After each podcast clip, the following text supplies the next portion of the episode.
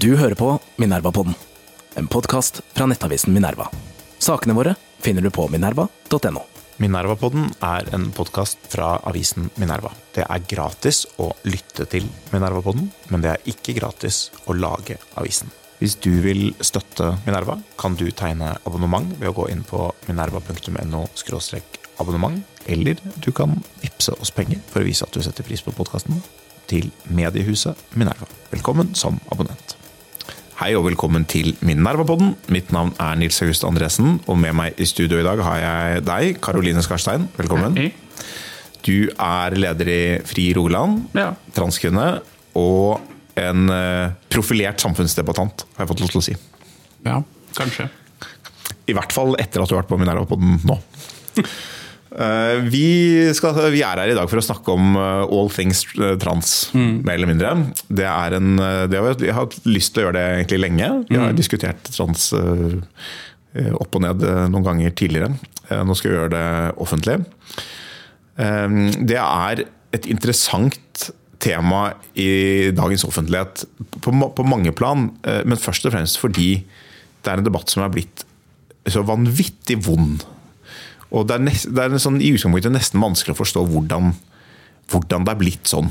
Eh, For det er eh, det, det, Man kunne tenke seg, vi ved å se på verden i dag med krig både her og der, og eh, autoritær populisme og kraftkrise og klimakrise og mye annet, så kunne man tenke seg at, liksom, at det ikke var den største bekymringen vi hadde. Men det er blitt en vond debatt. Eh, Og det er eh, litt av utgangspunktet for at vi skal prøve å se om vi kan gjøre samtalen litt bedre. Men kan ikke du begynne å fortelle litt, Karoline, hvordan er det du opplever denne debatten, og hvordan ser den ut fra, fra ditt perspektiv? Eh, nå har jeg vært ute i Når var det jeg begynte å blande meg i den debatten? og Det må være syv år siden? eller noe sånt. Og For syv år siden så snakket vi om eh, toaletter, og vi snakket om dusjing, og vi snakket om Kall det de litt sånn overfladiske tingene. Og det er vel det vi fortsatt gjør. Eh, det er kanskje det jeg sitter igjen med, at debatten flytter seg ikke. Eh, vi står helt fast på, en måte på de samme type problemstillingene som vi gjorde den gangen. Det eneste som kanskje har endret seg, er at vi er blitt sintere. Det er blitt mer aggressivitet. Det er blitt mer uh, Altså, det er blitt en større, en større mengde trusler. Det virker som eh, Kall det polene har blitt Ja, urutinert. Det virker som polene har blitt enda hardere. Um, og jeg føler for hvert år så har debatten sklidd mer og mer ut til at vi egentlig kanskje ikke sitter og diskuterer det samme lenger. Um, og som vi, som vi sikkert skal snakke mer om òg, at vi, vi har havnet i en sånn situasjon der vi egentlig sitter og diskuterer kanskje 100 ting på en gang. Eh, og snakker liksom forbi hverandre, over hverandre, under hverandre. Og um, som jeg vet du òg er veldig opptatt av, så har nok òg det gjort at noen er blitt skremt fra den debatten igjen. Som gjør at vi sitter og er litt sånn ja, i, i hver hverandre og skriker til hverandre. Vi, vi må prøve å etter hvert å finne ut hvorfor debatten blir eh, mer, mer og mer eh, anspent. Men kan du begynne med å si litt om hvordan, hvordan oppleves dette for transpersoner i Norge? Og la, og debatten ser jo litt ulik ut i ulike land, så vi, vi kan jo um, begynne med å holde oss litt i Norge. Men hvor, hvordan oppleves denne hatske debatten? Jeg tror alle som har på en måte på en eller annen måte deltatt offentlig i den debatten eh, Jeg kjenner f.eks. veldig mange som har gjerne eh, stilt ett intervju, skrevet ett innlegg et eller annet sted, stilt på en eller annen scene, en eller annen lokalavis, og har opplevd en enorm mengde hets og hat etter det. Eh, kommentarfelt som har vært fylt opp, og innbokser som har eksplodert. Og som har blitt skremt fra å egentlig noen gang delta igjen. Eh, og så tror jeg du har noen, eh, og jeg òg er nok en, en av de, som på en eller annen måte har klart å Kall det bli vant til det. Det har blitt en del av Det, det er en del av det. Um, og det oppleves som at Altså, altså det er en det, det er en problemstilling der ting kan føles ganske enkelt for meg. Uh, for meg er jo dette Altså, du har lyst til å gå i fred, du har lyst til å leve i fred. Uh, jeg opplever ikke meg eller andre transpersoner som på en måte hva skal du si, no, noe mindre unormal enn alle andre. Men så møter du en verden som virkelig peker deg ut, og som problematiserer egentlig nesten alt du gjør. Som um, stiller spørsmål med nesten alt du gjør. Altså Småting blir plutselig et problem. Um, det er um, For, for eksempel, for å anskueliggjøre litt. Nei, men for eksempel altså, transpersoner som Det har jo òg vært mye oppe. Transpersoner som, som snakker om trans i skolen, f.eks.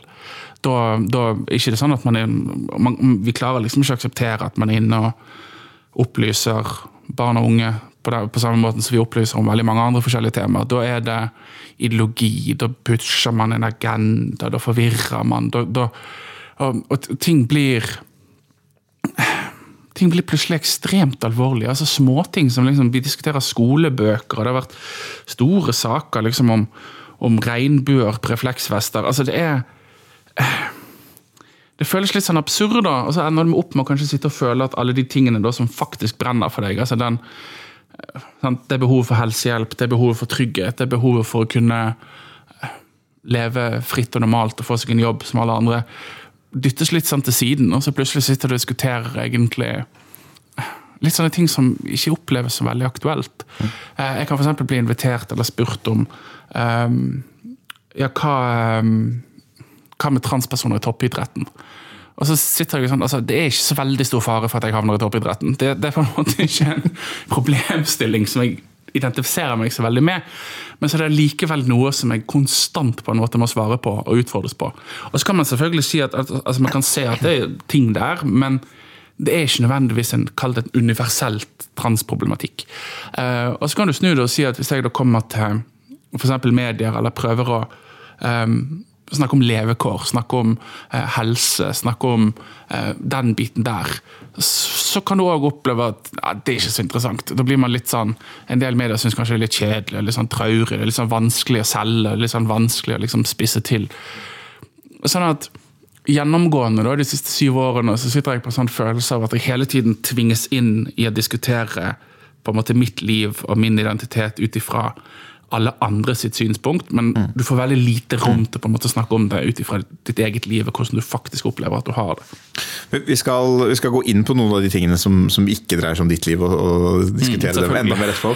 Men, men, jeg vil gjerne at du at likevel sier litt mer om, eh, om nettopp hva, hva er det for deg som transperson, men også for andre som du kjenner, hva er det som er de største utfordringen med å leve i Norge i dag? og Da tenker jeg ikke bare på liksom, debatten, men hva, hvordan er det å være trans i Norge? Det er jo vi hadde Tidligere her på podkasten hadde vi Sandra Bjerke Krogh som mm. fortalte om eh, at hun lever et ganske godt liv som mm. transperson. Vi snakket selvfølgelig om en del av utfordringene. Men, men, eh, hva er de store hindringene for et godt liv, og hvordan vil du si at det er? Altså, jeg, jeg tenker jo at jeg er tross alt ganske privilegert eh, til transperson å være. Um, jeg får muligheten til på en måte snakke om disse tingene, og jeg føler at jeg jeg har et, Kall det et godt nettverk rundt meg, eh, som jeg kan være meg sjøl i. Men så, så kan jeg òg kjenne på en sånn frustrasjon over å slite med å på en måte få lov å være noe annet enn trans. Det er liksom hele personligheten din. Det er alt du brenner for. Det er alt du på en måte kan interessere deg i. Um, det føles litt sånn, litt sånn underlig. Og så er det òg noe med den der å hele tiden blir pekt ut. Ehm, jeg hadde en samtale med eh, lederen for en annen skeiv organisasjon i Stavanger i går, som fortalte om eh, hans opplevelse av å stå på et busstopp nylig, og der, de der blikkene du får. Eh, der noen da tydelig hadde begynt å Du kan se den usikkerheten der han står med, med skjegg, men så er det òg noe kanskje feminint preg. og så opplever du at folk prøver å analysere deg, finne ut hva du er for noe. De stirrer litt sånn. Du, du får en litt sånn Kall det litt sånn negativ undring, da. Mm. Og det å hele tiden kjenne de blikkene, det å hele tiden føle at den du er, eller den personen du er, skaper den type interesse på gaten, er Altså, kan du bare tenke deg sjøl. Altså, det der nordmenn generelt Terskelen for å gå bort til noen på gaten og på en måte begynne å blande seg med fremmede, er ganske høy. altså. Så når folk hva skal jeg si, når, når, folk har så lett for å ta oppmerksomheten din, og på en måte presse seg inn på en måte på, på personen din, så kan det være ganske skremmende. Eh, og når det skjer hele tiden, så, så er det ganske slitsomt. Dette minner meg, dette minner meg litt om noen av de debattene vi har eh, knyttet til eh, rasisme eller til etniske minoriteter. Hvor man bruker ord som mikroaggresjoner eller minoritetsstress. Men det som til slår meg, er også at det er det- jeg tror det, det, det er no, Noe av dette skyldes på en måte dårlige holdninger. Men noe av det som er ved å være minoritet, er at det er nesten både uunngåelig at eh, majoriteten vil møte små minoriteter ganske sjelden, og dermed vil stirre, holdt jeg på å si. Altså de vil ha, Oi, hva var det for noe? Det, oi, det har jeg ikke sett før. Altså, det er ikke sånn at alle kan være fullt ut vant til alt hele tiden. Det ligger litt an i å være minoritet. Og så kan du si en by som Oslo, eh, hvor det er eh, en tredjedel av befolkningen er eh, etniske minoriteter, og hvor det er en høyere konsentrasjon av skeive av forskjellig art, så, så, så ser det litt annerledes ut. Eh, hvis man kommer til Chelsea i New York, så, så ser det enda annerledes ut. Men, men, men det er ikke nødvendigvis fordi menneskene der er så veldig mye bedre, men fordi ja, demografien og livet ser helt annerledes ut. Så For meg så kan det av og til fremstå som noe sånn det, er, det kan høres litt sånn hardt ut, men det er, det er jeg er ikke sikker på om det er realistisk å, å løse alle sånne problemer. Man kan gjøre det bedre. Man kan, man kan Nei, altså jeg, jeg, jeg, tror du er inne på noe, absolutt. Uh, og, det, og det er på ingen måte det jeg sier at alle de blikkene, alle de som ser på deg, alle de som på en måte gir deg den oppmerksomheten, nødvendigvis, altså at det er noe vondt i det. Det er jo ikke poenget.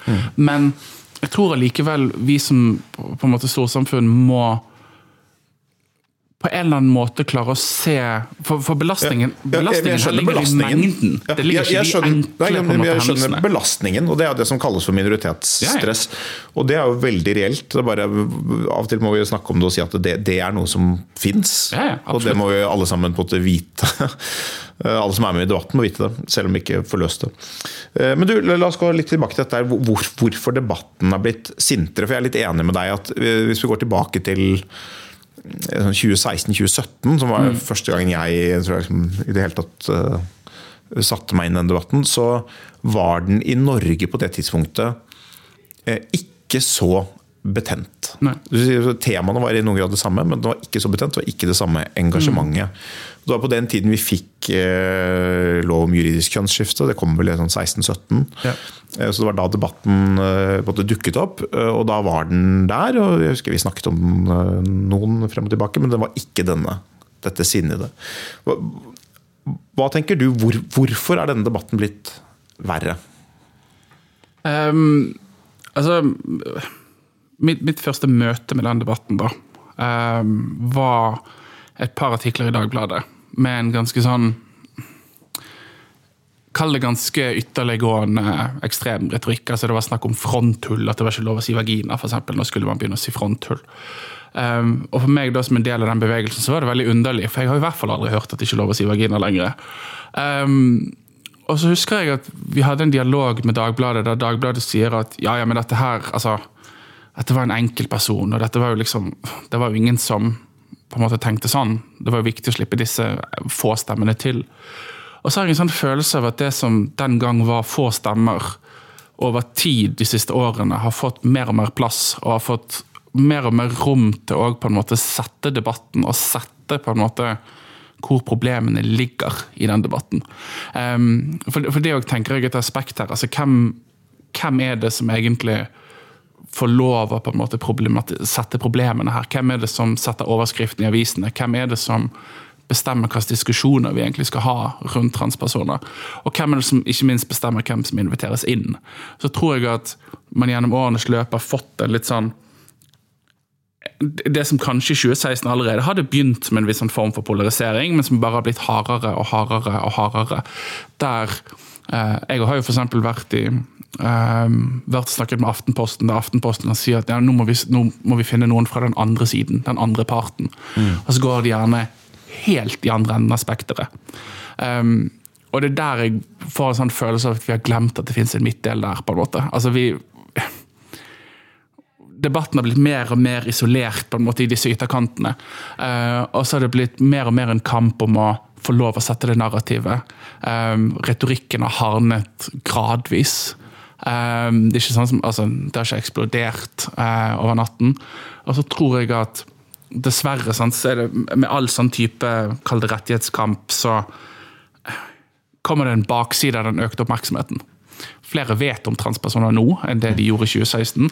Uh, flere har kunnskap om transpersoner nå, men det gjør òg at flere kan få den, altså, bli oppmerksom på transpersoner og få negative holdninger, eller på en måte enn i den enden av det.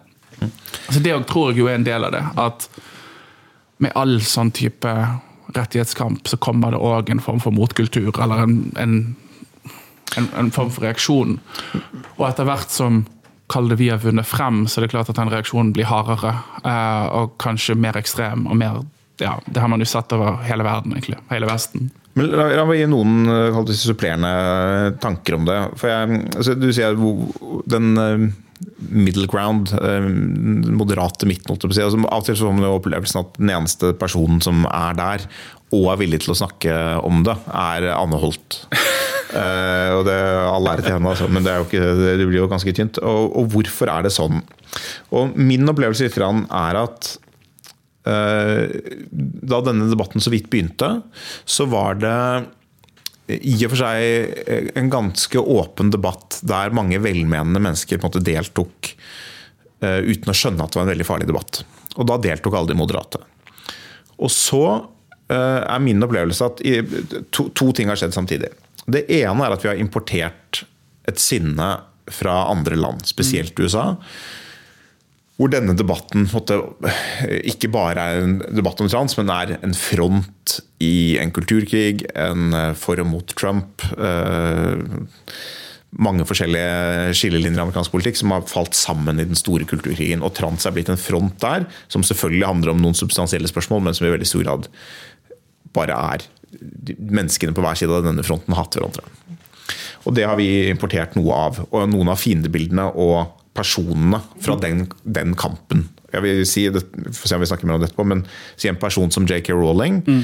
er blitt en Det er selvfølgelig en diskusjon med henne i Storbritannia også, men hun er blitt en person i den amerikanske kulturkrigen. Mm. Og vi har importert henne derfra. Snarere ikke direkte fra Storbritannia, men via USA. Eh, samtidig som det har skjedd, så er min opplevelse også at Eh, transkampen har endret seg. Du sier at man har hatt noen seire, det må man regne med, med, med motstand. Men det er også et spørsmål om si, I hvert fall på debattsiden av det, så har det på noen områder gått eh, ganske langt. altså I den forstand at eh, hva skal man si, den progressive delen av ordskiftet har satt noen eh, eller forsøker å sette noen rammer for hva som er greit å si og ikke greit å si, som er langt fra folkeflertallet. Uh, og det er sånn av typen slagord som 'transkvinner er kvinner'. Så jeg, jeg, har ikke sett målinger på det i Norge, men jeg har sett det i Storbritannia og, um, og USA. Og der mm. ser man at Storbritannia, som jeg tror er et land som på mange måter ligner en del på Norge i den sammenhengen, så er det et klart flertall som er uenig i det utsagnet. Mm. Jeg kan snakke litt mer, og det, og det er et stort, stort, og krevende spørsmål. i og for seg. Men en, nesten enda mer interessant så ser man at tallet har, gått, de siste fem årene så er det, det er flere som er uenige nå enn før. Eh, og jeg tror det er Én årsak til det er på en måte at man eh, jeg tror at veldig mange mennesker har en intuitiv forståelse av at transpersoner møter på en del særegne utfordringer. Ønsker å være sympatiske i forhold med det, eh, i møte med det. Men opplever i møte med et slagord som, som transkvinner og kvinner, og noen av de konkrete policy-spørsmålene som dukker opp i kjølvannet av det, at de er usikre på om deres bekymringer er legitime og kan bli uttrykt. Og Det er jo alt fra da, sant, i, i, transkvinner i idrett eller i fengsler, som, som du så vidt var inne på, eh, til hvordan vi skriver lovene, hvilke ord vi bruker, til hvordan man kan legitimt uttrykke sin egen kjønnsforståelse. Og Da kommer man på det til etterpå, hele sånn ontologien i det. Hva er kjønn? Hva er en kvinne? Hva er kjønnsidentitet? Og så er det sånn at det er er jeg, jeg, er si, for min egen del ganske agnostisk. Jeg, jeg vet ikke hva kjønnsidentitet er. Jeg, jeg, lytter til de som har en formening om det, men, men det er et stykke fra å være en vitenskapelig konsensus eller fasit. Eh, og vi måte står med veldig store spørsmål som er veldig vagt forstått der ute. og det, Da bør man kanskje være forsiktig med å mene for sterkt, men, men, man bør også være forsiktig med, å, med å, å, kjøre veldig hardt på når folk har den uh, usikkerheten. Og så skjønner jeg, En rettighetskamp består jo alltid at man, uh, man prøver å kjøre, kjøre hardt og se, se hvordan det, det, går. Men jeg tror det er noe av grunnen til at uh, det har blitt mye lettere for dem som er kritiske, å få i hvert fall taus sympati fra mange. Og når de som er moderate, ikke tør å uttale seg eh, fordi de er redde for å bli stemplet som hatefulle, så er det da de som er sintest, som uttaler seg, og så får de eh, en veldig bitter strid, og så blir alle sintere, og så blir alle mer ekstreme, og så ender vi opp der hvor vi er. Hva tenker du om det? Den analysen? Uh, ja, jeg, jeg, er nok delvis enig. Um, Samtidig så og, der, der, ligger nok kanskje litt av problemstillingen. Um, jeg føler at i debatten florerer en del sånne ideer. Uh, og du er inne på noen av de òg. At det f.eks. er strenge regler om hva som er lov å si. Uh, ord som er lov å bruke. Jeg opplever ikke at det er sånn. Jeg opplever at um, Altså, jeg Det er ikke det inntrykket jeg har av på en måte den bevegelsen jeg er en del av. Uh, og så kan man spørre seg hvorfor på en måte den, den type ideer har blitt har fått satt seg sånn som det har gjort. Det er klart, man, man finner alltid kall det ekstreme ytterpunkter òg blant transpersoner som, som vil kunne sagt ting som det. at um, Som ville lagd en streng liste da, over ting som ikke er lov å si, eller bekymringer som ikke er lov å ha. Uh, men, men, men jeg, jeg, tror jo La meg gi deg et eksempel. Men, men La oss ta det utgangspunktet. da, at ok, debatten er hard. Mm. Eh, noen skremmes fra den debatten. Um, så er det en del mediefolk for eksempel, som ville sagt at ja, det, her er det skyting fra på en måte begge ender, begge sider. Og så er det vanskelig å havne i midten. Min opplevelse er jo mer det at um, Og jeg har sjøl stått i de rundene der du kan gå inn i en mediedebatt der du kan prøve å fokusere på en eller annen sak, og så kommer det en eller annen og sier at ja, ja, men du er jo bare en pervers mannsfetisjist. Mm. Da er det litt vanskelig etterpå på en måte skulle holde seg 100% saklig uten å prøve på kall det noen eh, form for motangrep.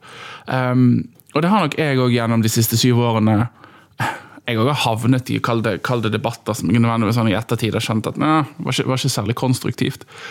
Jeg, jeg, jeg bare tror at det som, det som, skremmer folk fra de debattene, er det hatet som òg finnes mot eh, transpersoner. Den det, det ytterkanten jeg, ja. som får så ekstremt mye plass i mediene. Det tror jeg absolutt. Uh, bare ta to ting på det. Og det, det ene er at jeg tror at eh, når folk skremmes vekk, så er det ikke bare eh, siden moderate midten skremmes vekk, så er det ikke bare at de skremmes vekk av sinte transaktivister som vil begrense ordene deres, men de skremmes også vekk, tror jeg, av at de ikke vil identifiseres med de sinteste mm. transhaterne. Men, men, det er, men, det er, en selvstendig utføring, og det, dette minner meg veldig om innvandringsdebatten da jeg ble, ble, med i den for over 15 år siden. At det var, det var en veldig stor utfordring at man for oss som ønsket å si noe kritisk om norsk innvandringspolitikk, så var det en utfordring at vi visste at det ville forstås som eh, en del av en kamp man ikke mm. støttet. Eh, og Dermed var det mange som kviet seg for å delta. Og, det, og, Hvem har ansvaret for det, det kan man jo på krangle om frem og tilbake. Det, det, er ikke det viktigste, i en viss forstand. Altså det, det, er en del av debattdynamikken som man må komme seg ut av. Men når du sa det med at du ikke kjenner deg igjen i eh, at man vil bevegelsene vil kontrollere hvilke ord man bruker. Jeg tror kanskje Hvis man snakker med en del faktiske aktivister i, Norge, i hvert fall, jeg syns det ser annerledes ut av og til når man ser i andre land, så, så er det kanskje riktig.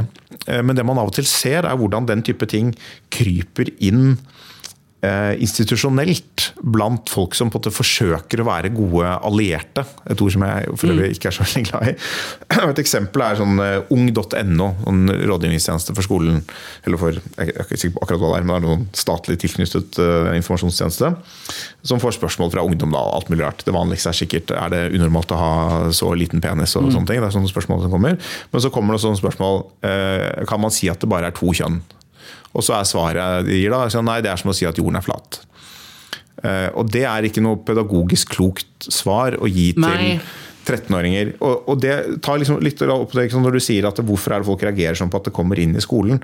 Og det er jo nettopp det at man opplever en bekymring for at uh, noen andre kontrollerer hva som er lov å si, eller riktig å si.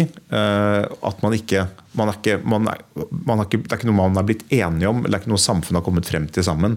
Det det, det skaper en av frykt kombinasjonen av de to tingene. At det er ikke bare en aktør som kommer inn og sier 'dette mener vi', men at man opplever at her er det en eller annen statlig tjeneste, eller uh, ofte profilerte personer som har syn da, på at hvis du snakker annerledes enn dette, hvis du, noe, hvis du, har en annen formening om hva kjønn er enn dette, så er det et problem. Men, men eh, her, her, her, tror jeg jo egentlig du er inne på noe av problemstillingen. For det at Altså Denne saken med ung.no for eksempel, er nå Hvor lenge siden er det? Tre år? eller noe sånt?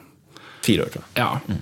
Og ung.no har vært ute og beklaget. De har også vært mm. ute og sagt at de har sett på sine egne retningslinjer. Ja, ja, ja. Det er hvordan sånn det skjer. Er det jo, jo, men allikevel så blir vi hele tiden sittende og tvære med disse kall det enkelthendelser. For det er ung.no altså, kan tenke meg ung.no svarer sikkert på 250 spørsmål hver dag. Eh, det er klart, Innimellom der går det feil. Da skal man selvfølgelig diskutere hva får da denne helsesykepleieren til å um, skrive noe sånt. Um, men, men, men, jeg For, for det, er det, der jeg, det er der jeg henger litt sånn igjen. Um, for eksempel skolen. Um, forstår folk egentlig hva man er inne og gjør i skolen? Altså, vi har dette Rose kompetanse, for eksempel, som er et fagorgan til FRI. Um, altså, du aner ikke hvor mange ganger jeg hører uh, journalister, redaktører, som snakker om at ja, um, Ros kompetanse inne og snakker med barn. Ros kompetanse forteller barn at. Sånn? Mm, mm. Ros kompetanse møter ikke barn. Ros kompetanse holder aldri foredrag for barn. Um, kompetanse inviteres inn for å snakke med lærere og lærerstudenter, stort sett. Det vil si at dette er altså, tematikkene som, som, tas opp overfor lærerstudenter, er eh, temaer som diskuteres i grupper av lærerstudenter, som på en måte går igjennom, kall det lærerfilteret, da, før det presenteres til, til elever. Og det samme når eh, man f.eks. ser på lærebøker, så er det veldig populært for tiden å dra frem sånn enkeltsetninger i en eller annen lærebok og si at dette er det ungene får lese, dette kommer de til å bli forvirret av, og se her, dette kommer til å lure folk til å tro de er trans. Men man glemmer jo at dette er ting som skal diskuteres i et klasserom sammen med en lærer. Mm. Dette er ting som skal drøftes. Dette er ting som man på en måte altså man, det, er vel noen som har en opplevelse av, som har praktiske erfaringer fra barnas undervisning, at de opplever at lærerne har tolket det. altså Noen lærere, da. ta med seg denne ja, da, selvfølgelig, selvfølgelig kan du helt sikkert si at det skjer men jeg er enig at det, det går an å overdrive omfanget av det også. Sånn? Men, men, det er noe med at vi blir hele tiden sittende og jeg, jeg føler jeg snakker om noe annet enn virkeligheten, da, mm. på et vis.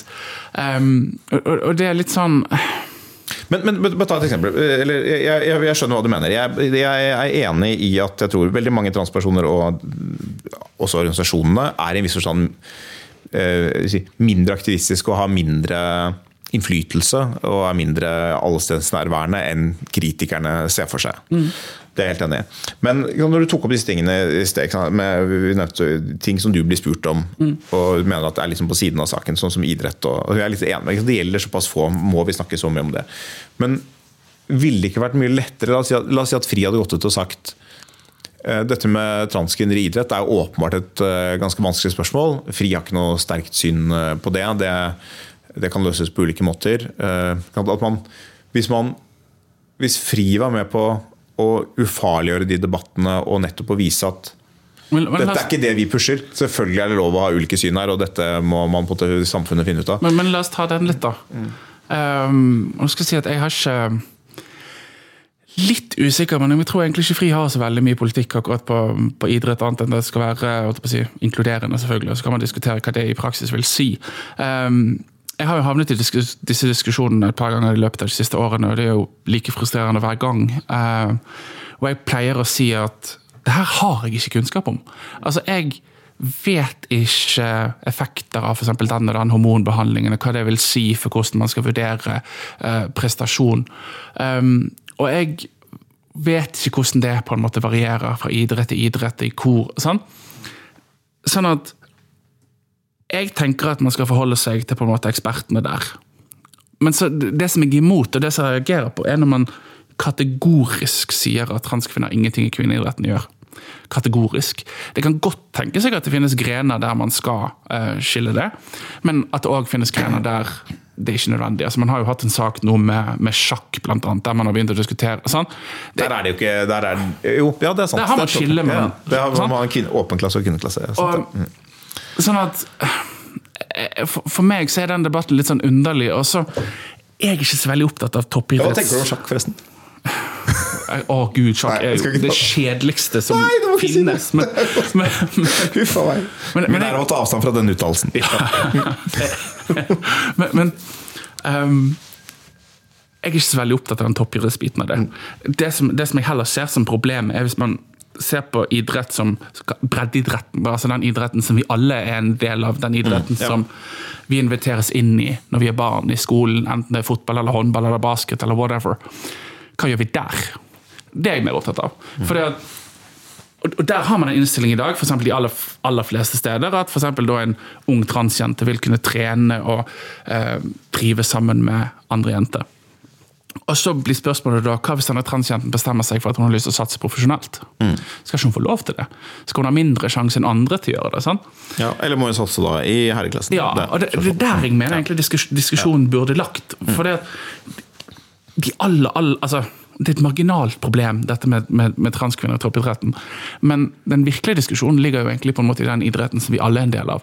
Ja. Og så kan man begynne å spørre seg om sånn eh, for, for det, Men, men jeg tror, jeg tror det, dette viser litt sånn, Det som er en sånn utfordring med en del av transdebatten, er at det dreier seg om veldig få personer. Ja. Eh, De fleste av oss møter på det sjelden, men med potensielt store både prinsipielle og sånn globale konsekvenser. Og ta, ta, derfor jeg tenkte på sjakk som et eksempel. Altså sjakk det er jo veldig interessant og paradoksalt. Sjakk er jo en av de idrettene med størst kjønnsforskjell. Ja. Eh, og Det skulle man tenkt seg at det ikke var sånn, men sånn er det. Man kan diskutere årsakene til det, det vi vet ikke helt. Det har vært én kvinne på helt toppnivå i, i sjakk, Judith Polgar. Eh, som eh, fantastisk eh, ungarsk eh, sjakkspiller som alle bør sette seg inn i, fordi sjakk er veldig morsomt. skjønner du? Karoline? Sovner litt allerede. Eh, Men, men, men poenget er at hvis du, med, gitt de kjønnsforskjellene som fins i sjakk, så, og gitt antall biologiske menn som, som spiller sjakk, så vil det veldig raskt være sånn at hvis eh, transkvinner eh, kan delta i kvinneklassen, så vil helt, altså så vil toppen domineres av kvinner. Det er så, det er så stor ratingforskjell på de beste kvinnene, i hvert fall fra liksom nummer to og nedover, eh, og de beste mennene, at du vil få en Det, det er altfor mange menn, eh, og potensielt altfor mange transkvinner som vil kunne komme inn der.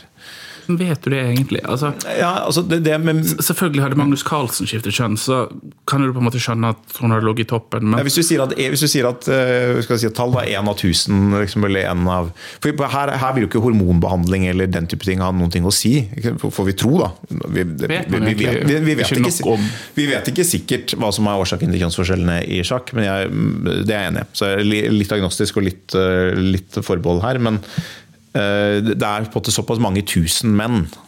Sånn at hvis Eh, hvis fem promille av dem er eh, trans eh, og fortsetter å spille sjakk, så vil de, eh, vil de dominere kvinnesjakken. Og, og, og poenget med det, poenget med si, det, det er litt, Jeg er enig at dette er spekulativt, Ja, jeg mener ikke at er for stort poeng ut av det. Men poenget er bare at hvis du Det, det er helt plausibelt. på en måte. Det er, det er nok, nok her å si at det, dette er plausibelt. Og hvis du da er kvinnelig sjakkspiller, så betyr det at Utsikten til det betyr at det, den idretten du driver med, vil være du, du vil ikke kunne nå toppen. Og den opplevelsen, selv om det, liksom, selv om det er ikke sikkert du hadde nådd toppen uansett eh, Det er ikke sikkert du Det er en sånn opplevelse som rammer alle de eh, Skjønner du hvor jeg vil hen? Altså, det, sånn, det rammer ikke livet ditt konkret, nødvendigvis. Men det er noe som det er nesten umulig å unngå å forholde seg til for veldig mange mennesker. Jo, altså, jeg, jeg kan skjønne på en måte problemstillingen din, men, men jeg er ikke nødvendigvis enig i kall det måten du maler den på.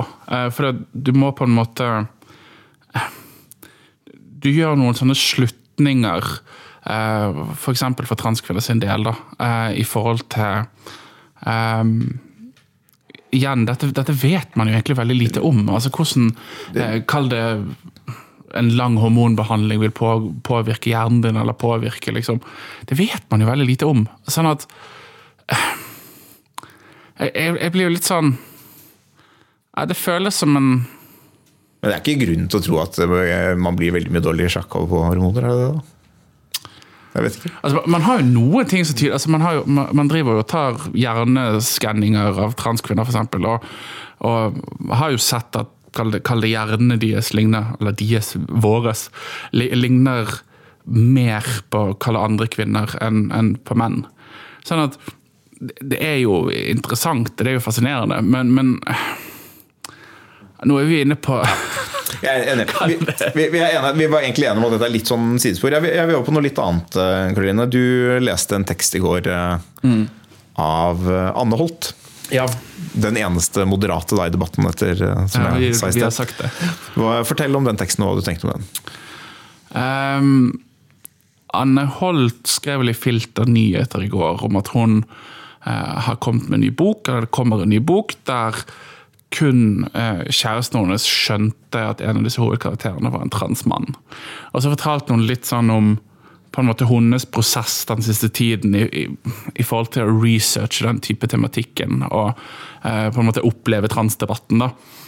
Eh, og, og, og, jeg syns det var ganske interessant, for jeg har lest en del av de tingene som Anne Holt har skrevet de siste ja, Hvor lenge kan hun vært engasjert i det? Og, halvannet år og to årene.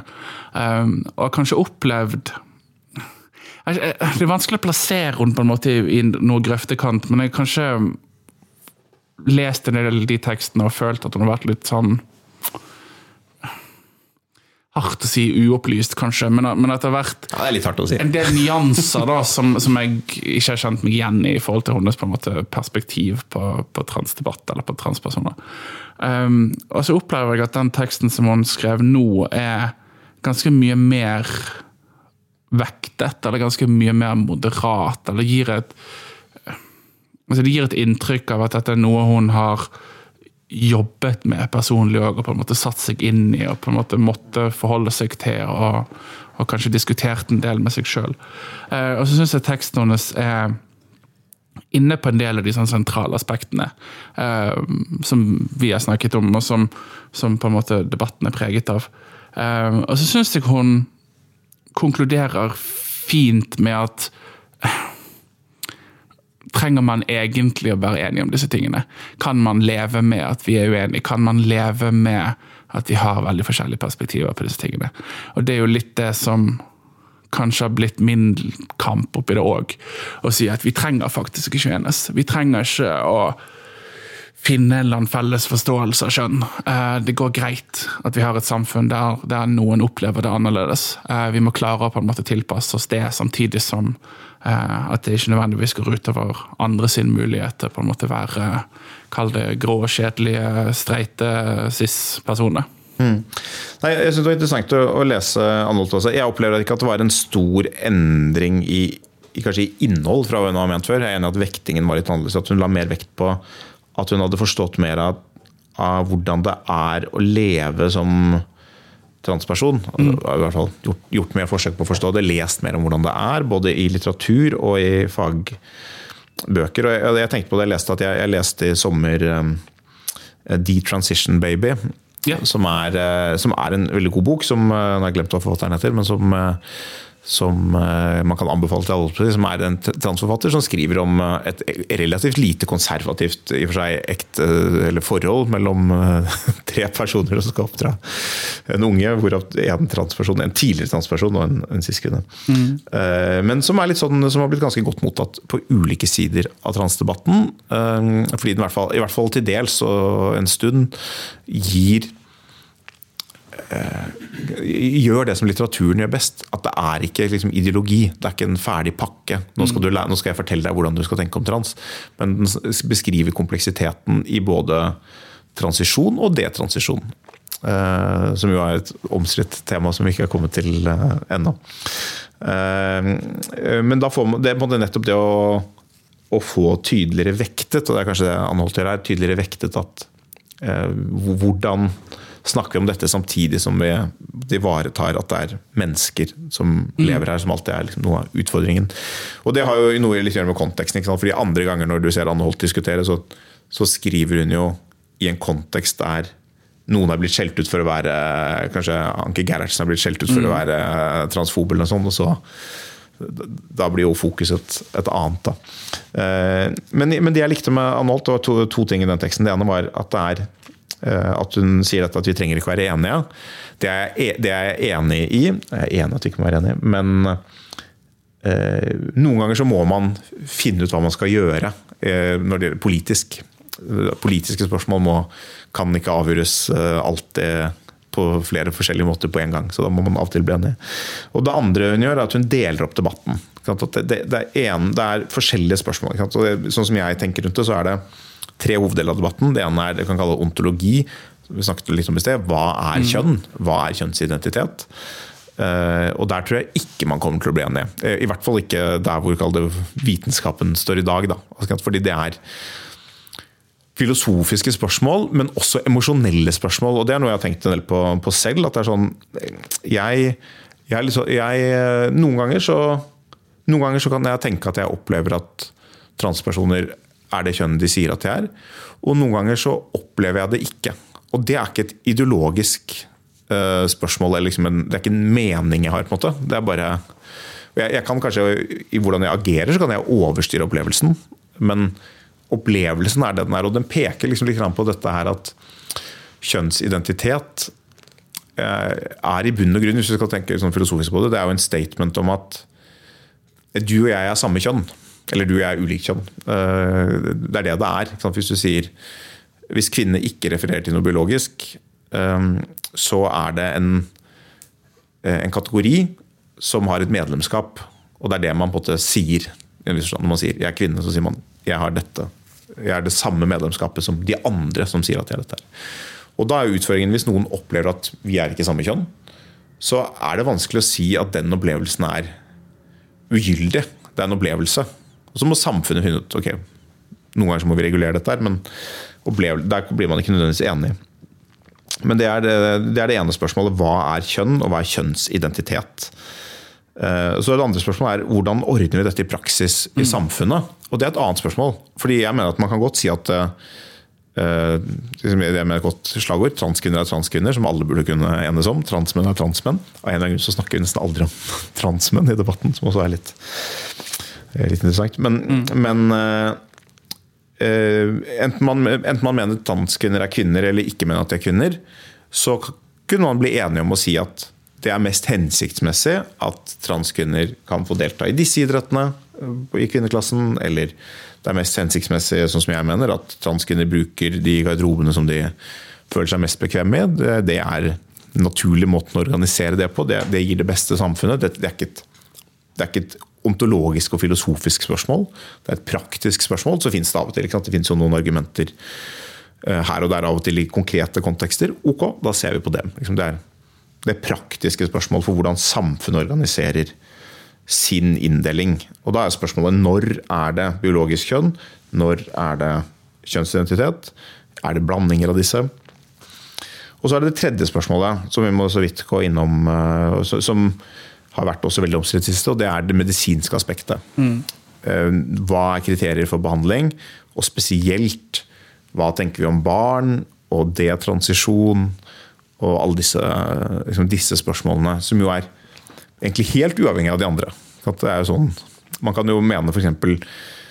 transkvinner er kvinner, eh, og det bør alltid være utgangspunkt for kategorisering, men allikevel mene eh, en del ganske Så mange unge barn eh, som har kjønnsdysfori, eh, er egentlig ikke transpersoner, men har en annen lidelse og bør ikke få eh, irre- irreversibel hormonbehandling, f.eks. Altså, man, man kan ha helt ulike syn på alle disse tre debattene. Um, hvis jeg kan få si én ting om transmenn aller først, da. Um, jeg er jo helt enig. altså Transmenn blir usynliggjort eh, som en del av transbevegelsen i debatten.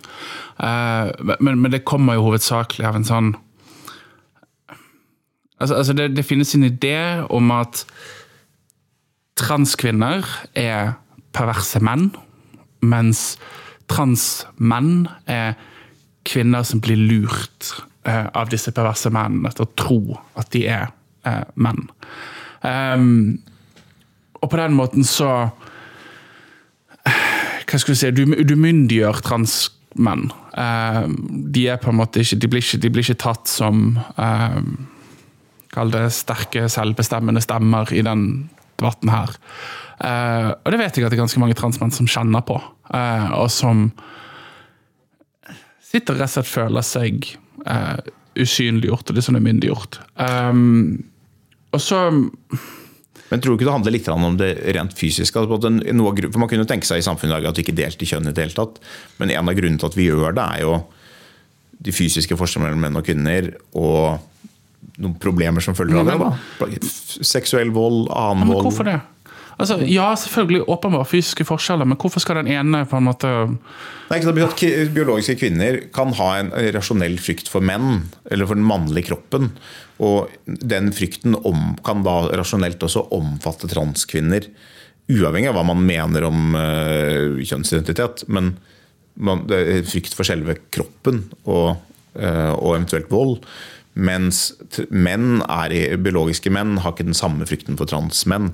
Og dette er jo til dels Kvinners frykt for menn er jo en veldig eh, en veldig utbredt og på mange måter veldig rasjonell nedarvet sak. Men, jeg synes det, det, det er jo en litt sånn underlig eh, måte å vri det på, syns jeg. For det at det er de emosjonene som ligger under hos mange av de kvinnene som er, er redde. Det, det, de, det, beste eksempelet for meg er Julie Bindel, som er en sånn uh, trans, uh, antitransaktivist. Uh, Britisk antitransaktivist. Men redd, eller er hun hun, men hun, hun, begynte jo sin karriere gjennom 40 år som mannshater. Ja. Det var det hun var.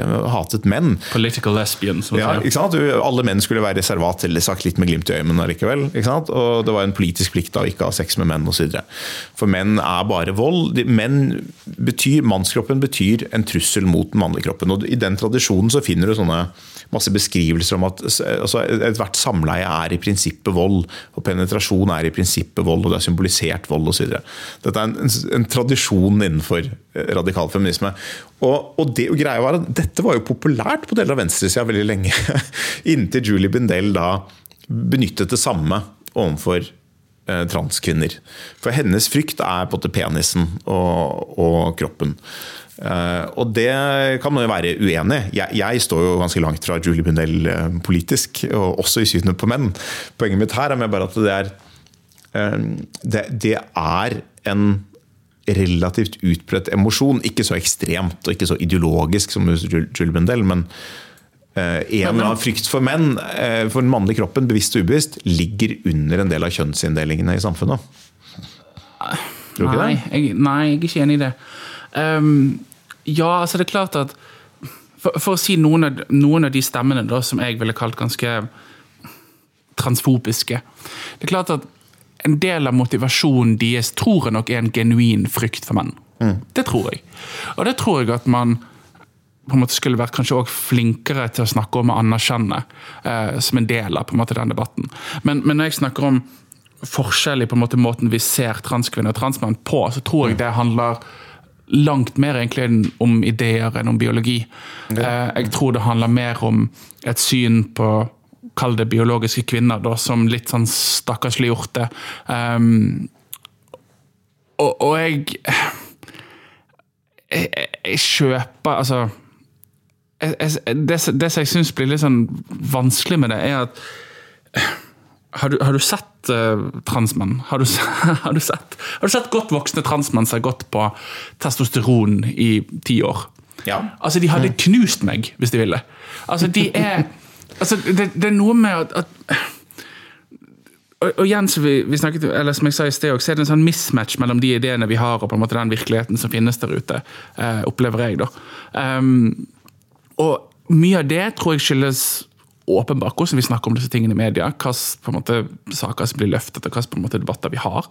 Um, jeg er mye mer fan av en sånn type innstilling som uh, Anne Holt innom òg, at hvis man skiller på det, da, hvis man sier at okay, det er en Kall det en ideologisk, filosofisk uh, Hva er kjønnsdebatt? i det. Uh, Den store kjønnsdebatten. Men så er det òg en, en praktisk debatt. En re, sånn ren praktisk debatt. Um, men så mener jeg òg at det er òg en sånn det, det, er noe annet der likevel. Uh, det er noe annet der som um, Og da kan man selvfølgelig Og da blir vi sittende til i morgen, selvfølgelig.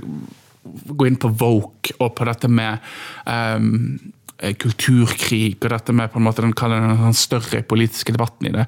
Og ikke minst hvordan trans brukes. Altså Jeg har jo for inntrykk av at veldig mange av um, kalle disse transkritiske stemmene, ikke nødvendigvis at de er så himla transkritiske. Det er bare, mm. det er bare blitt en sånn virkemiddel i den større politiske kampen. Ja, det, er ja. Eh, for eksempel at et av ankepunktene mine mot eh, ta som en, en, sånn som avis som Subjekt, som gjerne blir stemplet som transfobiske.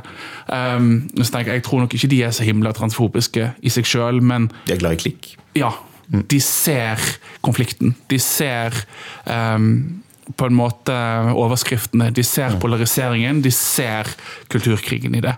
Um, og det òg selvfølgelig det påvirker hvordan debatten ender, og det påvirker hva vi egentlig sitter, opp, altså sitter igjen og diskuterer.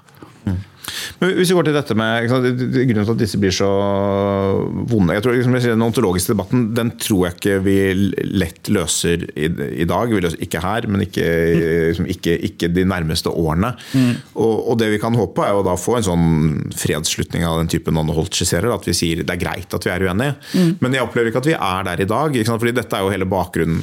En siste grunn til at trans virkelig liksom, kom inn i kulturkrigen, var jo hele sånn Jordan Peterson-fenomenet. Hvordan det startet med om han misforsto eller ikke misforsto, kan man krangle om frem og tilbake, men, med denne ideen om compelled speech, mm. som går nettopp inn i dette spørsmålet om hvem er det som bestemmer hva kjønn er. Eh, hvis, hvis man er enig om at man kan være uenig, Utfordringen er selvfølgelig at Da må også transpersoner leve med at det finnes noen der ute som ikke er annerledes. Og det gjør de jo. I praksis så lever de jo med det, fordi ja. det er jo sånn det er. Men at man på en måte sier, i stedet for å si nå må målet være at alle skal At det ikke skal være sånn, så må man si det, det, er som det er. på en måte. Litt mer sånn pessimistisk. Der er jeg uenig. for det at Jordan Peterson altså Det å for bli bedt om å bruke riktig pronomen på en person, det betyr jo ikke at du ikke har lov til å være uenig i trans eller være uenig i hvor mange kjønn det finnes. Det handler om noe så enkelt som at ovenfor en enkelt person så kan du være hyggelig. Jeg tror, altså, Ikke for å forsvare Jordan Peterson, men det han sa var vel sånn Jeg bruker alltid det pronomen som de ønsker, men jeg vil ikke at staten skal kunne bestemme det. Og det handler på det litt om den opplevelsen. Idet noen sier at uh, du må, så, så sier, kan du godt si at du kan få tenke og mene hva du vil om hvor mange kjønn det finnes og hvem som er hvilket kjønn, men du kan ikke få lov å uttrykke det. Det er en begrensning. Ja, men, det handler ikke bare om å være høflig. Ikke, ikke det noe med tid og sted, da? Jo, jo, jeg, altså, jeg, er enig. Jeg, vil, jeg, jeg, er enig i det. Jeg, er helt enig i det. Jeg satt på Universitetet i Stavanger i år, mm. og vi hadde en, en, debatt om det her. og Det er klart det har jo skjedd ting på Universitetet i Stavanger i det siste. Vi trenger ikke gå så veldig inn på det i seg sjøl, men, men, der òg kom det opp liksom um, Studenter må tåle å på en måte høre andre sine syn og ansvar. Og selvfølgelig skal man det. Men jeg mener òg at hvis jeg som student hadde kommet til deg som foreleser og sagt at hei, kan du bruke pronomen hen, f.eks., så mener jeg at det finnes to rom der. Det ene er den relasjonen vi da har for i en studiesetting eller en forelesningssal eller et auditorium. Mm. Det andre er hvis jeg hadde satt meg ned med deg og spurt hva mener du om disse tingene. Mm. Jeg er enig ja, i at uh, altså jeg, jeg, er enig at det er veldig få grunner til at eh, man i en profesjonell relasjon skal feilkjønne folk. Mm. Men, eh, og jeg, har ikke nok innsikt i akkurat hvordan den kanadiske loven var utformet, og hva, var, hva den omfattet og ikke omfattet. og, og sånn.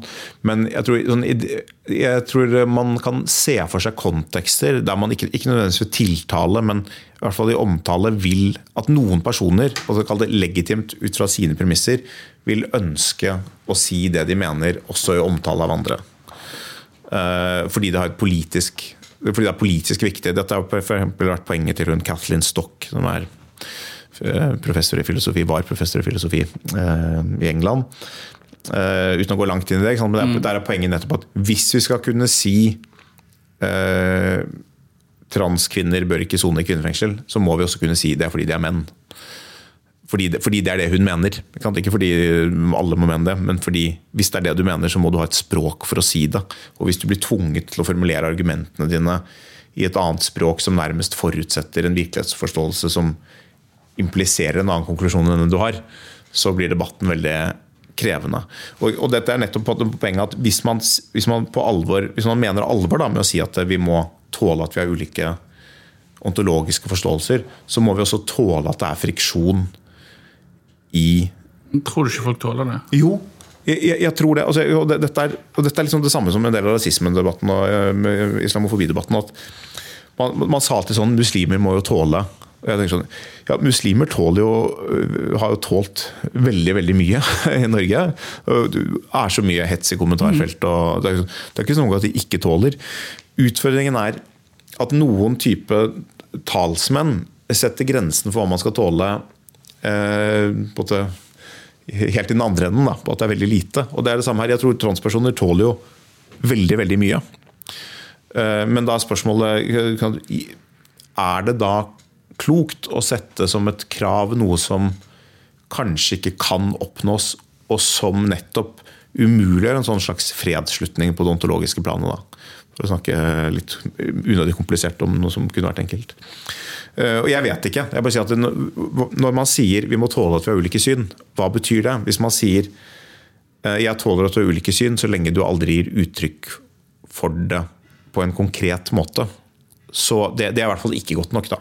Så, så jeg er enig med deg at når det, når det kommer til tiltale, uh, tiltale i profesjonelle sammenhenger, så, så, kan det reguleres som et arbeidsmiljøspørsmål. Det, det, det er ikke et prinsipielt spørsmål engang. Det er her på denne arbeidsplassen, her på norske arbeidsplasser, så omtaler vi hverandre på denne måten.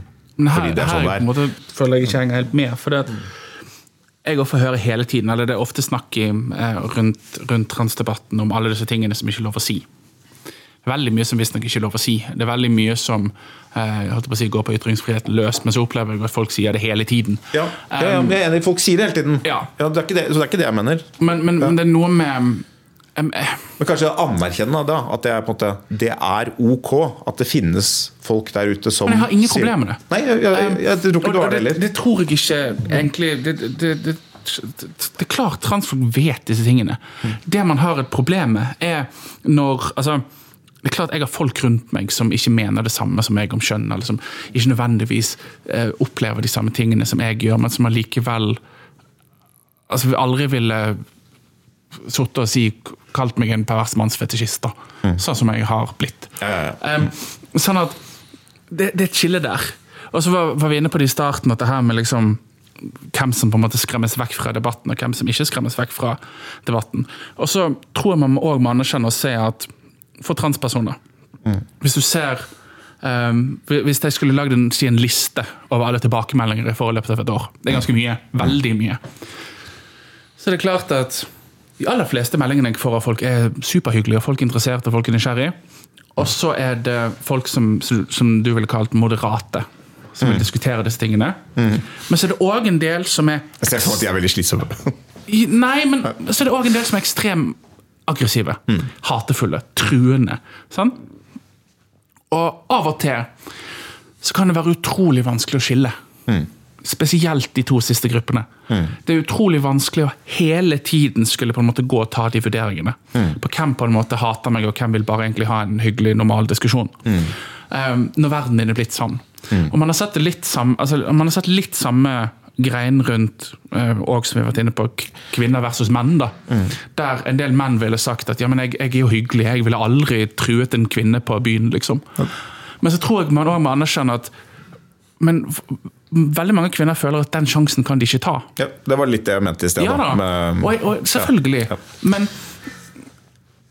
og, og, og, jeg òg på en måte møter meg sjøl i døren der at jeg òg ville jo vært redd for disse mennene. Mm. Jeg som transkvinne også ville jo vært nervøs for disse mennene. Det er jo en grunn til at jeg på en måte identifiserer meg som en gjør. eller Det er jo på en måte en del av mitt liv òg. Sånn at det, òg er jo litt sånn underlig i det. Det gjør det kanskje litt sånn vanskelig emosjonelt å delta i debattene. For det at du blir på en måte pekt ut til å være det du egentlig sjøl går rundt og er redd for. Mm. Jeg opplever at meg og mine venninner, eller meg og de kvinnene som jeg har rundt i livet mitt, går rundt og er redd for de samme tingene. Vi har de samme bekymringene når det kommer til møter med menn, når det kommer til liksom, eh, det offentlige rom. da. Men du, hva, hva tenker du, selv om dette, her, eh, dette slagordet 'transkvinner er kvinner', er det uproblematisk for, for, for transkvinner? Liksom, Altså, det, som du sa nå? det plager meg jo åpenbart ikke, men, men, men det er jo Hva skal jeg si et, et veldig enkelt begrep, da. Og det kan være et litt sånn innholdsløst begrep alene. Ehm, og så kan man jo òg diskutere altså, det, det ligger jo en større diskusjon der om hva vil det da egentlig si å være kvinne. Hvis man sier transkvinner er kvinner, hva er en kvinne igjen? Ehm, og så har jeg òg i løpet av de siste årene kanskje begynt å tenke på at men egentlig målet å være som på en måte andre kvinner, eller være som biologiske kvinner. Um, så, så jeg kan bli litt sånn altså det, Jeg kan av og til få liksom følelsen av at det er et begrep som provoserer mer enn det egentlig hjelper meg. da. Um, det er et begrep som folk slenger rundt seg som et slags sånn faktum. Men det ligger en, ligger en større filosofisk eh, tankerekke der enn det. Uh, men så er jo jeg òg altså, Jeg òg ser meg jo altså, jeg, Selvfølgelig. Jeg har, jeg har en, en biologisk forskjell. uten, altså, uten den så hadde jeg ikke identifisert meg som, som transkvinne i det hele tatt. Men hverdagslig så opplever jeg jo at jeg Altså, jeg skiller meg ikke så veldig mye fra de andre kvinnene som jeg har rundt meg. Um, sånn at jeg opplever at i den konteksten så er transkvinner kvinner. Men så var liksom Ja, nei, det er vanskelig. Det var, eh, det var vel Oxford Dictionary som oppdaterte seg i fjor på 'woman', hvor de la til uh, en betydning, da, en betydning som ville inkludere transkvinner. Omtrent sånn de som identifiserer seg som kvinner. omtrent. Og Det skapte jo mye oppstuss. Jeg tror Kjetil Rollnes eh, raste litt mot eh, sånn. Men jeg. Eh, Og jeg, jeg, jeg føler at jeg er ganske konservativ egentlig på trans, men jeg, jeg var, forsvarte jo da dette, denne oppdateringen med to begrunnelser. Den er, hva er en ordbok egentlig? En ordbok skal, ikke bare normativ, den skal dokumentere hvordan ord brukes. og Det er ingen tvil om at ordet kvinne brukes i den betydningen. Og det andre er at det er egentlig veldig fornuftig at det har disse to betydningene, tenker jeg. Ikke sant? Fordi jeg mener at det er viktig at man kan bruke ordet kvinne i betydningen biologisk kvinne. Det er et liksom, viktig og nyttig begrepsapparat i biologi og, og i menneskelige samfunn. Men så er det veldig mange sammenhenger hvor det er eh, hvor det er eh, sånn at vi behandler transkvinner som kvinner, og det er logisk, og det bør vi gjøre, og det er normativt riktig at vi gjør det.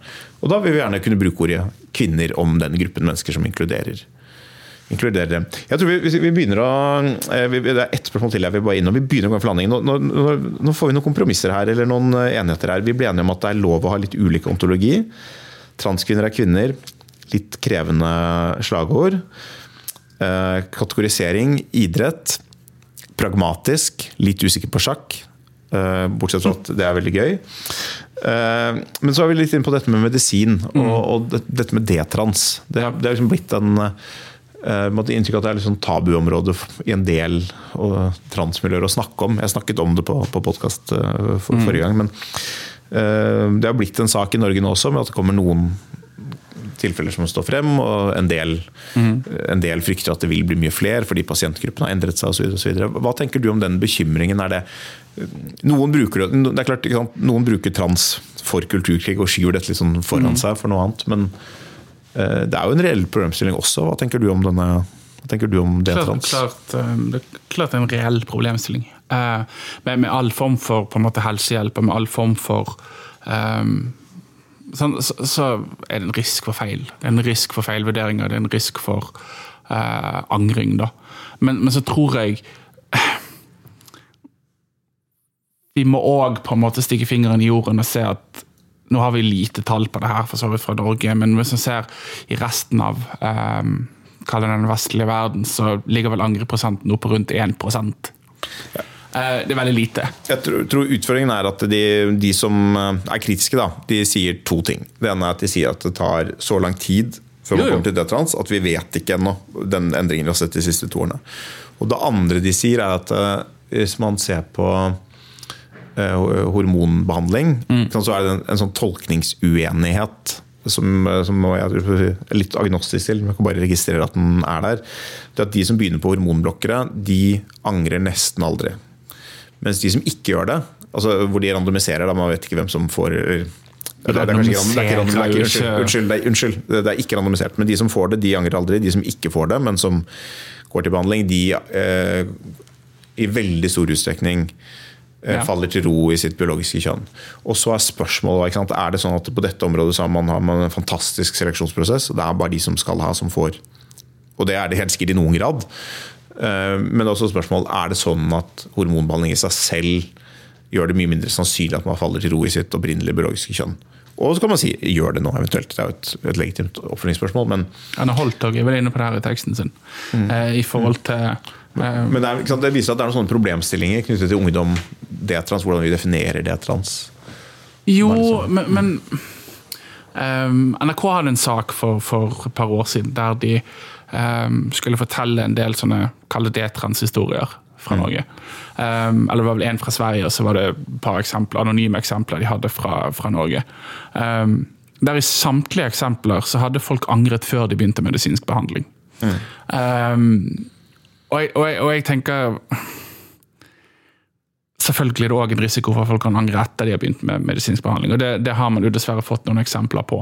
Uh, og Jeg har egentlig ingen problem med å diskutere det heller. Problemet mitt er når det brukes som et argument for å blokkere all helsehjelp. Ja, det skjønner jeg. Um, ja. Og eksempel dette med, med pubertetsblokkere, da, så er det veldig mange som er bare prinsipielt imot pubertetsblokkere når det dreier seg om transpersoner. Men vi bruker jo pubertetsblokkere for en del andre ting òg, um, der ingen har problemer med det. Der man snakker om at bruker man pub øh, Tungen går i kryss. Pubertetsblokkere eh, på transpersoner, så mister de f.eks. sin um, altså Det går utover den seksuelle helsen deres, det går utover bein, skjelett, det går utover uh, sjanse for reproduksjon og alt dette. Men de har ikke den samme bekymringen når de samme medikamentene brukes for uh, noe så enkelt som uh, Man bruker det vel på en del um, kvinner som man mener generelt kommer opp for, for tidlig i puberteten. Sant? Det bruker man. Eh, der har man ingen bekymringer. Der er det tydeligvis helt problemfritt å gjøre det. Ja, ja, det- det- og, og det er en sånn dimensjon i den debatten som jeg savner litt. Jeg, jeg tror absolutt at uh, når det gjelder alle spørsmål i trans brukes av og til for andre formål. Også Men så- men så tror jeg- men, men, men det er på en måte to, eller i hvert fall én ting der, og det er Hvis bekymringen er på en måte nettopp det at ved å, ved å hindre pubertet, så hindrer man egentlig utviklingen av en sunn kjønnsidentitet. Så er det både en pubertetsblokkeren i seg selv som er problemet. Og så er selvfølgelig utføringen, som vi vet, at Eh, mange mennesker faller ikke til ro i sitt biologiske kjønn etter puberteten heller. Og, da, og for dem hadde det selvfølgelig vært mye bedre å starte behandling eh, tidligere. Så det er noen dilemmaer der. Men eh, vi, vi får kanskje ikke løst det spørsmålet heller, men hvis vi skal lage et kompromiss, en viss varsomhet i behandling eh, av barn. Men det er jo- ingen som, ingen som er uenig i det. Nei, men, men ta sånn utviklingen i USA, da, hvor, hvor, det, måte, hvor det har gått på ideologi dette andre veien. Da, hvor det er Um, varierer litt, da. Jo, men der har, du, der har du ideologi begge veier. Så Noen stater forbyr behandling, eh, mens veldig mange liberaldemokrater, og også en del helsepersonell, som i veldig stor grad selvfølgelig også er da demokrater, liberale, de har en veldig mye mindre grad av skepsis mot sånn behandling enn det vi har sett i, i Norge, f.eks. Blant helsepersonell i Norge som jobber med den type ting. Så det, det, er liksom, det er noe med at Hvis dette blir en markør for å vise at jeg er et godt menneske, derfor er jeg selvfølgelig for eh, hormonbehandling av mange unge barn, eh, og det blir en del av en, eh, en privat helsetjeneste å tilby det, så er det også en sånn det er ikke nødvendigvis det man ønsker. og Det er på noe av noen vanskelige diskusjoner da, om hvor, hvem skal beslutte dette, og, og sånn. Ja, men, men For det første syns jeg det er litt sånn Kanskje uinteressant å begynne å blande seg inn i Eller koble enkelte amerikanske stater sin helsepolitikk til det vi holder på med i Norge. Altså Norge er, vi er ganske restriktive når det kommer til behandling av transpersoner. Eh, vi har etter alt å dømme en ganske lav andel med angrere. Eh, og så tror jeg heller man skal diskutere hva man kan gjøre for å gjøre det helseapparatet vi har nå, bedre rustet til å faktisk kalle det eh, Prøve å forstå hvem som kan bli potensielle angrere. For det at det tenker jeg det har alle, på måte, alle sider en viss interesse av. Eh, det systemet som vi har i dag, eh, tror jeg dessverre bommer litt sånn i begge ender. Eh, vi har et trangt nålhøye på Rikshospitalet i dag som på en måte har eh, mye av, altså det meste av behandlingen i Norge, der du kan være heldig å komme gjennom nåløyet og få helsehjelp, men du følges kanskje opp med en legetime en gang i året, f.eks. Altså, det, det er en veldig um, altså Man burde absolutt hatt en tettere oppfølging av transfolk. Um, det tror jeg er punkt én, eh, for faktisk hva skal du si, gjøre seg kjent med transfolk. Um, sånn at jeg, jeg blir litt sånn jeg, jeg tror det er kanskje grunnen til at noen ville vegre seg for å begynne å snakke om det transisjonert òg. For det brukes oftest med sånn påskudd for egentlig å si at ok, men dette er så skummelt, dette er litt sånn usikkert territorium, så da, da prøver vi å stenge ned bare for å være helt sikker. Og det syns jeg er veldig farlig. Men jeg tror Ja, men en, en ting er liksom sånn, Hva hvis du angrer? Ja, men hva hvis du ikke gjør det? Ja, det, det er jo der dilemmaet står. Jeg er både litt agnostisk på det, men jeg, jeg tror sånn eh, jeg, jeg skjønner godt bekymringen og frykten til dem som eh, ser på utviklingen i pasientgruppen de siste åtte-ti årene. For, tenker, for det, er, noe interessant med dette ordet som vi har vært innom noen ganger, men som er vanskelig å helt liksom, spikre til veggen. Kjønnsidentitet. Altså det, det som Hvorfor er det så vanskelig? Nei, det er, det er vanskelig for, øh, for meg. Har ikke du en kjønnsidentitet? Øh, jeg vet ikke. Det, det, er det, som, det er vanskelig for, en, for, for meg Men- som sismann. Hvis jeg kan spørre da. Mm. Um, har ikke du hatt opplevelser i livet ditt der du har kjent at for eksempel, noe går på akkord med din opplevelse av deg, eller opplevelse Jo. av å være mann, eller opplevelse av å liksom Ikke opplevelse av å være mann, men, liksom, men det er nettopp det at det, det er to, kjønnsidentitet består jo av to øh, elementer. Det ene er kjønn, og det andre er identitet. Og identitetskonstruksjon er jo et kjempestort og krevende psykologisk felt. Og det man på en måte ser litt, og det, vi har ikke vært inne på det i dag, og jeg, tror- jeg tror ikke vi skal gå dit heller, men det er på en måte det er, det, nå har vi holdt oss litt innenfor en tokjønnsmodell, også når vi har diskutert trans. Noen vil jo utvide dette her, og vi utreder det tredje juridiske kjønn. og Eh, og ikke-binære er en kategori, og noen vil dele opp i flere. Og det er flere sett med pronomina eh, enn en tre.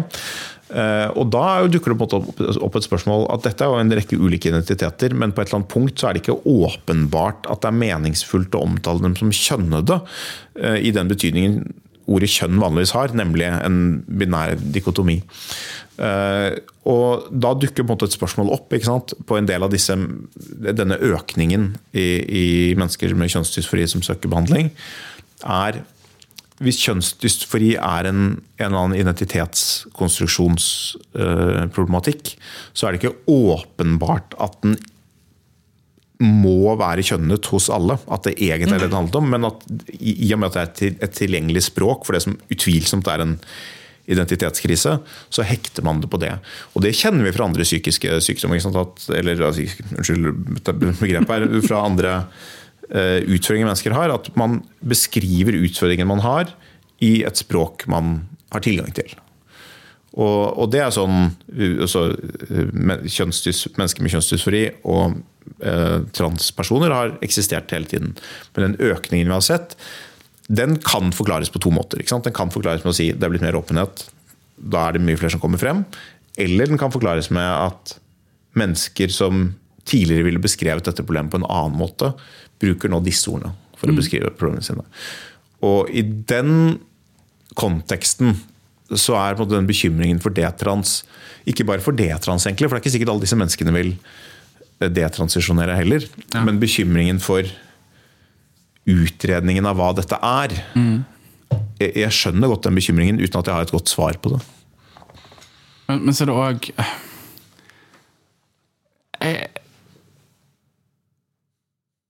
tror man må prøve å ha sånn par parallelle tanker. Altså nå eh, har man et helsevesen internasjonalt, i hvert fall i Vesten, som, som kanskje mer og mer begynner å bevege seg mot en sånn idé eh, som du òg er inne på, at skal vi gi helsehjelp til eh, Kall det binære transpersoner, så finnes det òg ikke-binære som òg har helsebehov som man på en måte skal dekke inn. Eh, det ser man i en del sånne nye veiledere òg nå, at man, man er ikke så veldig opptatt av identitetsaspektet ved det lenger, men er mer opptatt av eh, Kall det helt sånn konkrete dysforien. Altså, For å komme tilbake til transmenn, for eksempel, så er det veldig mange transmenn som har store problemer med for sine egne bryster. Sant? Og klemmer det, eh, bruker binder og klemmer det flat. sånn at det, det er jo potensielt veldig skadelig. Eh, og som får økt livskvalitet av å fjerne de. Eh, det samme ser man hos en del ikke-binære, som òg har det behovet for å fjerne bryst og få den samme på en måte, eh, kall det økte livskvaliteten. Eh, så det tror jeg òg er en vei der. At vi tidligere har hatt en sånn tendens til å tenke rett og slett pakkeforløp når det kommer til transpersoner. Der er du transkvinne, f.eks., så skal du inn, du skal ha du skal gå på hormoner sånn og sånn, du skal fjerne det og det, og det er på en måte den pakken du får. Mens nå ser man et helsevesen som Målet i hvert fall er at um, skal på en måte kunne også se hvilket behov du faktisk har. Og se hvilken dysfori du har. Se hva som kan bidra til å uh, bedre livskvaliteten din. Uh, og det tror jeg er en veldig riktig vei å gå. Så det er klart at med all sånn type behandling så er det en risiko for at noen da fjerner de brystene og angrer. Helt klart, Men det betyr ikke at vi må på en måte må slutte å forholde oss Nei, da, til altså, at det er jeg, en veldig reell jeg, problemstilling. jeg mener ikke at det, det, kan ikke være sånn at enhver risiko for feilbehandling er et endelig argument mot behandling. Det, det er jeg helt enig i, bare for å ha sagt det. Men eh, det er et aspekt ved, den, den tilnærmingen, da, at vi behandler måte, symptomet litt uavhengig av akkurat identitet og andre sånne ting. Det er i og for seg eh, greit, eh, det. Jeg tror en, utfordring er at vi, vi har eh, Jeg har i hvert fall behov, for at helsevesenet også har en slags eh, formening om årsaken til symptomet. Det vet man jo ikke. Nei, det er, det er ikke kan, det er ikke alltid man kan vite det. Eh, Og, det er, og, og, man, og da må man på en måte gjøre en vurdering av hva Men- som er best. Men jeg må bare si en ting om det, det er at jeg så et intervju med Espen Ester Pirelli, Pirelli Benstad, som sa noe sånt som at det var man bør, det liksom, man, man bør ikke stille dette spørsmålet om etiologi, årsak, for da har man allerede begynt med en slags sykeliggjøring. Men det tror jeg er et veldig vanskelig prinsipp for medisin. eh, Og det er et veldig vanskelig prinsipp for å skjønne om man overbehandler eller feilbehandler eller eh, behandler riktig, eller om man bør gjøre mer, eller om man bør gjøre noe annet. Eh, Nettopp, for nettopp sånn dysfori, hvis du sier at man tenker at dysfori er en del av en kjønnsidentitet. og jeg er enig, Det er- to separate ting. Jeg tror det er veldig nyttig å skille det konseptuelt. Mm. ene er kjønnsdysfori, det andre er kjønnsidentitet. Men eh, hvis dysforiens, eh, altså dysforiens opphav er ikke helt likegyldig, på en måte. Så, så, så, så man må og det, og det er det ikke i helsevesenet. I norsk helsevesen så har man absolutt en Det er jo en del av det man ønsker i hvert fall å, å klarlegge. Så kanskje ikke alltid lykkes med. Men, eh, men jeg er litt, litt redd for at man sier eh, vi går bort fra det, og alle som føler at en kroppsdel er eh, gir dysfori, så bare fjerner den. Det var sikkert ikke det du mente heller. Men, Nei, nei, man går, ikke, man går selvfølgelig ikke bort ifra på en måte snakke om kall det trans som, som altså det er jo, Kjønnsinkongruens er jo fortsatt en egen, egen diagnose, så det er ikke det. Men det, det handler mer i måten hvordan man ser behandling, hvordan man ser oppfølging, hvordan man ser, eh, hvordan man ser det. Men, men, men jeg òg Altså, det har jo også vært tider der vi for har prøvd å finne ut hvorfor folk er homofile. Mm. ja, ja. ja. sant? Der man har gravd i biologi og prøvd å finne liksom, the gay gene og alt dette her. Eh, og man har fortsatt ikke funnet noe. Sånn at Jeg er jo enig med Benestad i at det å og prøve å finne problemet eh, med transpersoner kan være litt skummelt. Men så tror jeg jo også at det er jo ikke nødvendigvis sikkert at det er ett problem, eller at det er kall det lik grunn for at alle har den erfaringen og den Nei, nei. opplevelsen. Um, det er klart jeg også som transperson har jo også brukt tid, mye tid på en måte prøve å sette meg inn i hvorfor har jeg det sånn. Og så har jeg kanskje landet mer på at en, jeg vil ikke finne ut av det. Jeg, jeg kommer aldri til å klare å finne ut av det. Um, men det er nok ikke én grunn heller. Altså, jeg, tror ikke, jeg, tror nok livet er langt mer komplisert enn det. Og jeg mener også, det er jo ikke sånn Grunnen er det siste og det endelige svaret på gåten, holdt jeg på å si. Altså, Det er jo sånn, grunnen kan jo være hva den vil, eh, men erfaringen er som den er. Grunnen er jo på at det bare relevant dersom den er det klinisk relevant. Da. Dersom det er sånn Å ja, da, da gjør vi bare sånn, og så blir det, blir det borte, liksom. Eller, altså, det, det må jo ha en klinisk relevans, men det med at det er Eh, det, det vet vi ikke. Det, det, det er det jeg opplever. At er, jeg opplever at det er et felt hvor det er det er fortsatt veldig mye vi ikke vet. Eh, og noe av det kommer vi til å få kunnskap om. Eh, og en av mine bekymringer er liksom at vi eh, Eller jeg ønsker at vi er litt varsomme inntil noe av den kunnskapen og noe av den erfaringen kommer. For er et, det er jo et felt hvor endringen har gått fryktelig raskt. Eh, sånn Sammenlignet med, sammenlignet med homofilikampen, da, liksom, som har pågått siden Men- men- 1750-tallet. Men, men det, er også, altså, er det- du- veldig, altså, det er greit å på en måte snakke om alle de tingene vi ikke vet, og all den kunnskapen vi kommer til å få en gang, kanskje. Men det er òg mye vi vet. Og det, er også, altså, vi har behandlet transpersoner kirurgisk i det landet her siden man begynte vel på Rikshospitalet tilbake på hva er det, 60 50-60-tallet. eller noe sånt. Eh, Det er klart, På de årene så har man gjort seg Altså, man har lært ting. Ja, ja, ja, ja. Eh, vi har ganske mye kunnskap. Vi har en del kunnskap om eh, hva som funker og ikke funker. Vi har en del kunnskap om eh, helsehjelp og på en måte resultatet av det. Sånn at Jeg syns det er litt skummelt å på en måte da skulle sitte og vente og fortelle transpersoner at jeg skjønner at du har veldig mange behov her, men vent en 20-25 år, så kanskje vi liksom vet hvordan vi skal hjelpe deg. Jeg skjønner det. Det, ja, det, det høres ut som en litt sånn skummel, trist verden. Um, Jeg er enig i det. Jeg lurer på om vi skal, skal oppsummere der hva vi ble enige om og ikke enige med. Ja. Ontologi, lov å være uenig. ja. Uh, transkvinner, kvinner, litt problematisk slagord. Kategorisering. Kvinner kan ikke spille sjakk. Uh, medisin. Transkvinner er ekstremt gode i sjakk, i hvert fall. Vi må være, skynde oss uh, Vi må skynde oss litt langsomt. Det, mer enig enn det ble vi ikke, Karoline, men det jeg tror vi klarte, var at vi har snakket om ganske mange av de vanskelige spørsmålene på en relativt vennskapelig måte. Det er ikke så verst, bare det, i denne debatten. Tusen takk for at du kom hit. Takk for at jeg fikk komme.